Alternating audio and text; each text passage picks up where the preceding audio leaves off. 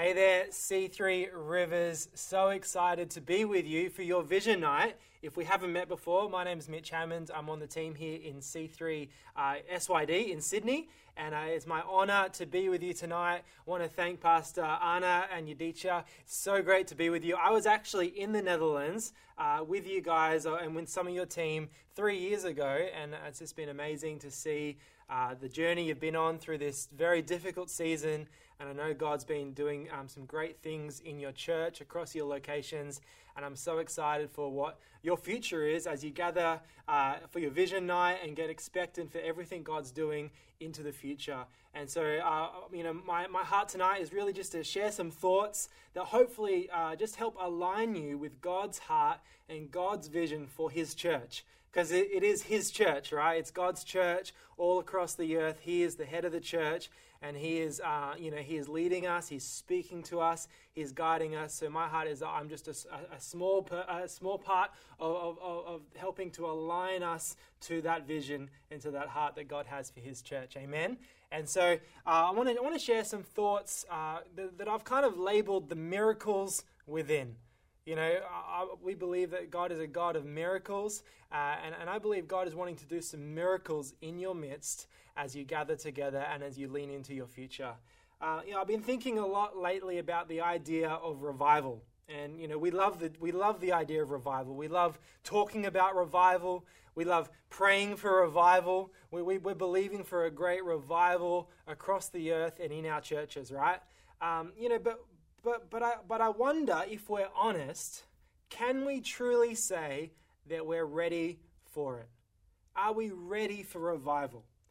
And my, my question is this is that until we're okay with blurry boundaries, I would say maybe we're not ready for revival. Until we're okay with blurry boundaries, and I'm going to unpack that a little bit more, but until we're okay with uh, the, the, the blurriness that can come in revival, the, the, the chaos that can sometimes happen in revival, until we're ready for that, that we've, they've accepted that that's part of it, I'd say maybe we're actually not ready for revival. Uh, in in the um, in, the book of Acts, we see this amazing moment where uh, Saul uh, or Paul get, get, gets converted. He gets saved. You know, Jesus uh, takes a hold of his life, and and he has this massive transformation moment. And, and, but what happened is that moment challenged the established order of the early church. It, is, it challenged the, the structures and the, and the authority lines. It challenged the thinking of those early apostles. Uh, it blurred the boundaries. It blurred the lines of who was who. And, and, thankfully, there was a man named Barnabas who was willing to stand in the corner of Paul and actually advocate on his behalf. And I believe that in this season, we need advocates for innovators. We need people who are willing to back and stand behind the new thing, who are willing to advocate for people who are, who are stepping into the new wineskin that God is giving his church. I believe that we, we need these kind of people who are willing to stand and back new voices, new models, new ways, new ideas. And I believe that in C3 Rivers there is a new there's a wave of new God ideas that God is giving you in this season. And if you can be the, the kind of people like Barnabas who can be advocates for what God is doing, and you begin to see the future together. Uh, interestingly, the disciples, this wasn't the first time they felt threatened by a new thing. And uh, when, they when Jesus, before Jesus had died, they saw another group of people who were ministering and praying in the name of Jesus. This happened in, in, Luke's, in Luke chapter 9. And it's interesting, the disciples go, Hey, Jesus, should, should we stop them? You know, like they felt threatened. They felt a little insecure. Like they're, they're doing what we're here to do. They're, they're, they're taking our, our spotlight, our limelight. And Jesus said, Hey, why, why would we stop them? If they're not against us, they're for us. And so the, the, the, lines, the, the boundaries were blurred, and the disciples felt a little threatened by that. And Jesus says, Hey, it's okay. It's okay that things are happening. That's, that's, what, that's what's meant to happen. It's meant to be a little bit chaotic, it's meant to be a little uncontrollable. Um, in, in, the Old Testament, another similar story happens where Moses, in Numbers chapter 11, he begins to impart and, and pray his, uh, you know, and give the mantle of his ministry, his spirit, onto 72 elders. And, as this starts to happen, Joshua, his closest young aide, gets a little jealous, gets a little insecure, gets a little like, hey, you know, you're, you're messing with the boundaries, you're messing with the order, you're messing with the structure. And Moses goes, Are you jealous for my, for my sake? You know, I, I wish that all the Lord's people were able to prophesy. And, and it's, we, we see this time and time again in these stories that God's heart is that, that it wouldn't be this clean cut order and hierarchy of, of structure, but, but actually, uh, revivals is, is, is going to be everywhere. It's designed to overflow. And I don't know if you've ever had a cup overflow or in the microwave your porridge has overflowed, but it's messy. It's messy. It's uncontrollable. It's, it's kind of come, it's, it's everywhere. It's not neat and tidy. And ultimately, I believe true revival has to be unbound and unbranded. It won't fit neatly into our structures, and it won't be measurable, controllable, or containable. I believe that we've somewhat made our buildings and our Sunday services to be the center of our church experience because it is containable and it's tidy. But God doesn't want his church to be contained. Amen? God does not want his church to be contained. I believe there is a new church expression that's awakening with a strong emphasis on discipleship, community, and the activation of daily organic evangelism where ministry is happening primarily outside the walls of our churches and in one on one moments. I believe that's happening for C3 Rivers. As long as we try and define the church in our coming instead of our going, we're limited. I believe the church grows as the church goes. You know, um, as I was thinking through uh, th- these ideas and these thoughts, I started to look through the, the recorded miracles of Jesus. Um, and it's interesting, there are 36 recorded miracles of Jesus in the Gospels. What's even more interesting is that 33 of them were, were, were performed uh, on the street, in the marketplace, in homes, in, in, in, on boats, in, in lakes, and beside the seashore. It, it wasn't in the temple, the synagogue. It, most of them, 33 out of 36, were beyond the walls of the temple. And three of them were in the temple. Only three. And I believe, I believe that God is revealing what He's doing in the house in order for us to get out of the house. Because that's the question. Well, what were these three miracles that God did in the house? What were the three miracles that Jesus did in the temple? And I believe it highlights to us the three miracles God is wanting to do within. The three miracles God's wanting to do within us in order for us to go out. And so we're going to go through these together the miracles within.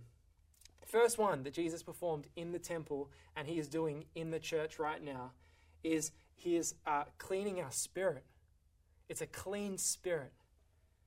In Mark chapter 1, uh, we see this story where Jesus is teaching in the temple, and a man with a, what, what we call an unclean or impure spirit reacts. He, he, he, he, he gets arced up and he starts to curse and, and shout at Jesus. And in that moment, uh, Jesus silenced him. He silenced him and cast out that unclean, that impure spirit. I believe Jesus is wanting to cleanse the house. And, and what I've noticed is that impure spirits, unclean spirits, are known by their speech. And I believe there are certain tones of speech within the church that, that God is wanting to have silenced, that have no place. There's certain types of language that have come up uh, in church circles globally that, that have no place in the church, that have caused the church's speech to be unclean and impure. And God is wanting to cleanse the house. He's wanting to have a, us to have a clean spirit, that the church and, and the people of God would be a, a well of pure living water that's, that's not tainted, it's not muddy, but it's clean and pure and life giving for the world around us. The second, second miracle uh, that happened within the church is the story of the man with the withered hand who had it restored. Um, many of us would know this story. It's in uh, Matthew chapter 12. and what happens is a man with a withered hand, and Jesus restores this hand to, to wholeness and to, to fullness. And I believe Jesus is wanting to restore the hand of the church. He's wanting us to rediscover our reach. I believe that um, there's only one way to see this miracle happen, and that's to work it. As the man stretched out, that's when his hand was restored. So often we're waiting for this to happen. We're waiting to go. We're waiting for people to go. We're waiting for, but actually, it's in our going that the miracle starts to happen. We work it with God. And this is not just about restoring our reach, but it's actually about bringing balance back to the body. It's about having equal, because you know, he had one hand that was fine, one hand that was withered. And sometimes we can, we can focus on what we've got that's good, and when we focus so much on, on things that are going well, like you know discipleship, Sunday services, all, all good, but actually there's a there's a withered hand that where we've lost our reach and also therefore lost our balance. And the final thing this represents is a restoration of the fivefold ministry. I believe God is bringing uh, gifts back to the surface of the church. He, he's re-establishing uh, gifts of teaching and evangelism and pastoring and apostles and prophets. He's bringing order, balance, and a restored reach to his church. Amen. And then the final, uh, final miracle Jesus did in the temple was in Luke uh, chapter 13, where Jesus cured a woman who had been aff- afflicted for 18 years with a spirit that had bound her, uh, her back, that so she was bent over. I believe God is wanting to straighten the stance of the church. Jesus wants a church that's not bent and bound over in religion, unable to move out of old wineskins, old traditions, old ways of doing things. Jesus desires a church that is free, liberated, and is not stuck in old things. Uh, sometimes I think for too long we've been stuck in old, old things for, for, just for tradition's sake. And we've idolized method, methodology.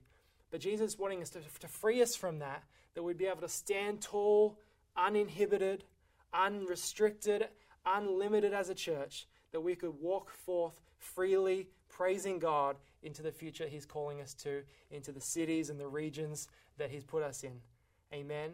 And so I believe there's the three miracles God is doing in the church globally, but also at C3 Rivers right now. He's cleansing, He's restoring the reach, and He's allowing you to be unbound, uninhibited, and free to walk into your future. And so I'm praying for you, C3 Rivers. I, am thankful for you. I'm thankful for all that God is doing. And, uh, and I hope you have an amazing vision night as you step into your future. God bless.